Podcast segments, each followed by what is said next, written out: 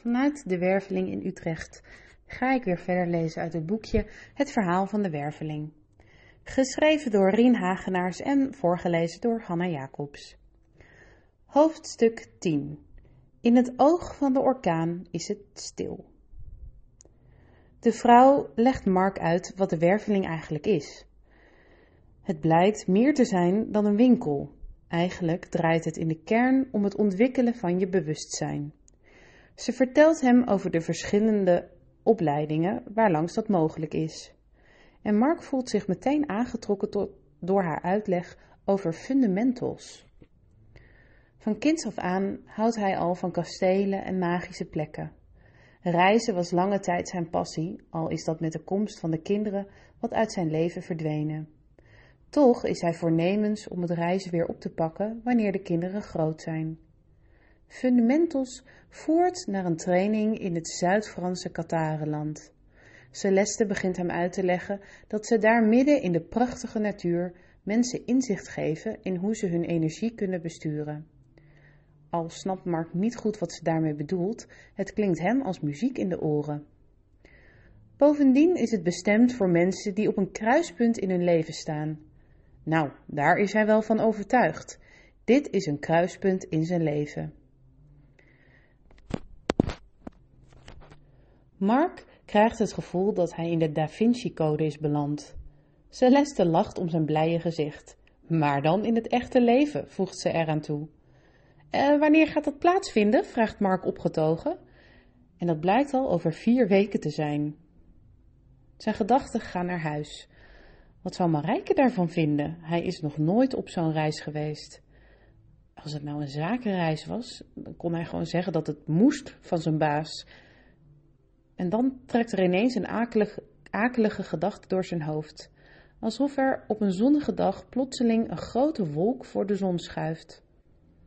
Ineens is daar weer die brief met die schadeclaim. Hij verbleekt en begint te stotteren. Wat gebeurt er? vraagt Celeste hem. Hij vertelt over de gebeurtenissen. Maar in plaats van hem gerust te stellen, begint ze hem uit te leggen over de modi van bewustzijn. Dat hij zojuist vanuit de mode, modus van intuïtie via het denken en de emoties in de overlevingsmodus terecht is gekomen. Mark herkent het als iets wat hem wel vaker overkomt. Kijk, dat is waar het kunnen besturen van je energie je bij kan helpen, legt ze hem uit. Kijkend naar wat je de komende weken te wachten staat, zou het best wel eens verstandig kunnen zijn om met ons mee te gaan naar, de, naar fundamentals. Mark voelt zich alweer wat beter worden. Wat grappig, zegt hij. Normaal zou ik nu de hele dag van slag zijn, maar op de een of andere manier heb ik daar nu geen last van. Dit is nog maar een glimp van wat bewustzijnsontwikkeling je kan brengen, zegt ze hem. Volgens mij kun je beter even rustig nadenken.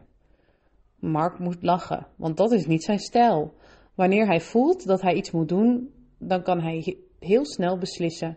Zijn intuïtie werkt prima. We sturen je wat informatie toe over het programma en wellicht is het iets voor je om eens bij de meditatieavonden te komen kijken. Dat helpt om in deze stormachtige fase van je leven beter bij jezelf te kunnen blijven. En dan staat Mark weer buiten. Hij blijft nog even staan om in het zonnetje te genieten van de bootjes van de oude gracht. Hoe ga ik dit aanpakken? vraagt hij zich af. Marijke was niet heel positief gisteravond, denkt hij. En dan op dit moment alleen op reis gaan, dat is misschien wat veel.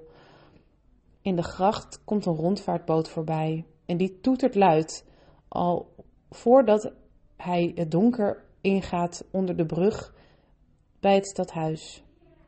Soms moet je gewoon een risico nemen, denkt hij bij zichzelf. En met een flinke pas koerst hij aan op huis.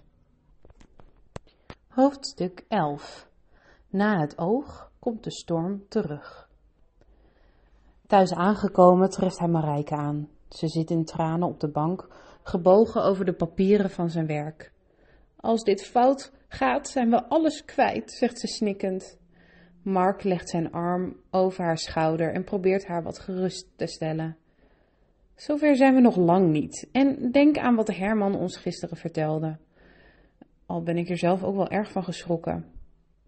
Ik snap eigenlijk niet zo goed waar dit alles vandaan komt. En wat doe jij eigenlijk zo vroeg thuis? vraagt hij haar. Ik kon me echt niet concentreren vandaag en dacht dat ik beter naar huis kon gaan om jou te steunen. Dat is lief van je, zegt hij en hij geeft haar een kus op haar natte wang. Dan moeten ze allebei lachen.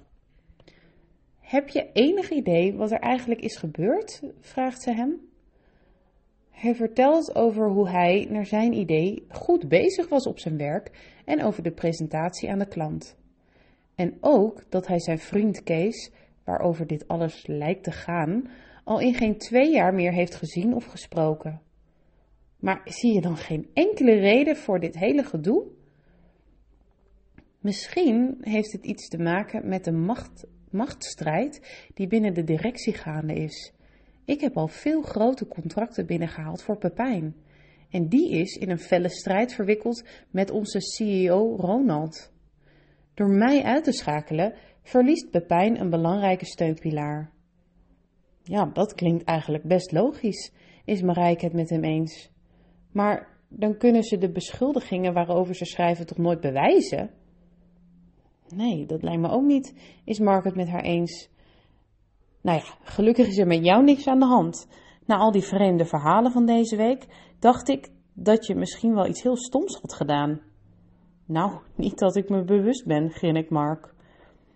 Toch zijn die dingen wel echt gebeurd, al snap ik er niet heel veel van. Mark vertelt over zijn twee bezoeken aan de werveling en hun reactie op de gebeurtenissen. Marijke, die gefascineerd is door dit soort spirituele zaken, helpt hem mee nadenken over wat het precies zou betekenen. Misschien moet je maar gewoon meegaan met die training. Je zit nu toch thuis, dus het leidt je mooi af en het geeft je de gelegenheid om je koers te bepalen, zegt Marijke.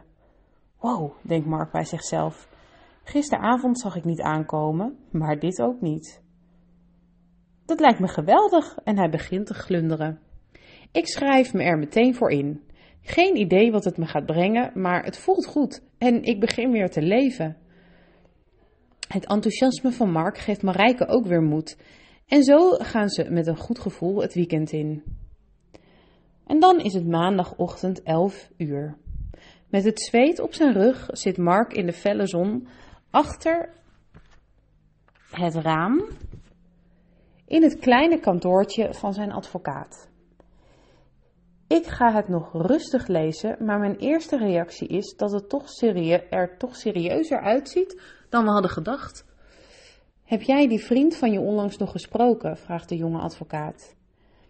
Mark geeft hetzelfde antwoord dat hij ook aan Marijke gaf. Vreemd is de reactie van Herman. Het lijkt wel alsof ze hem als een soort getuige op de achtergrond houden. In elk geval vraag ik jou om een tijdlijn te schrijven van alle gebeurtenissen op, het, op dit gebied tot nu toe. Ondertussen beraad ik me op de vervolgstap en sturen we ze in elk geval een reactie. Daarin stellen we dat je een normale dienstbetrekking hebt en het arbeidsrecht je dus beschermt. Laat, laat ze maar laten zien waar ze mee komen. Maar toch niet helemaal gerust keert Mark weer naar huis. Misschien kan ik vanavond beter naar die meditatieavond gaan. De vorige keer voelde ik me een stuk beter nadat ik bij de werveling was geweest. Volgende keer weer verder.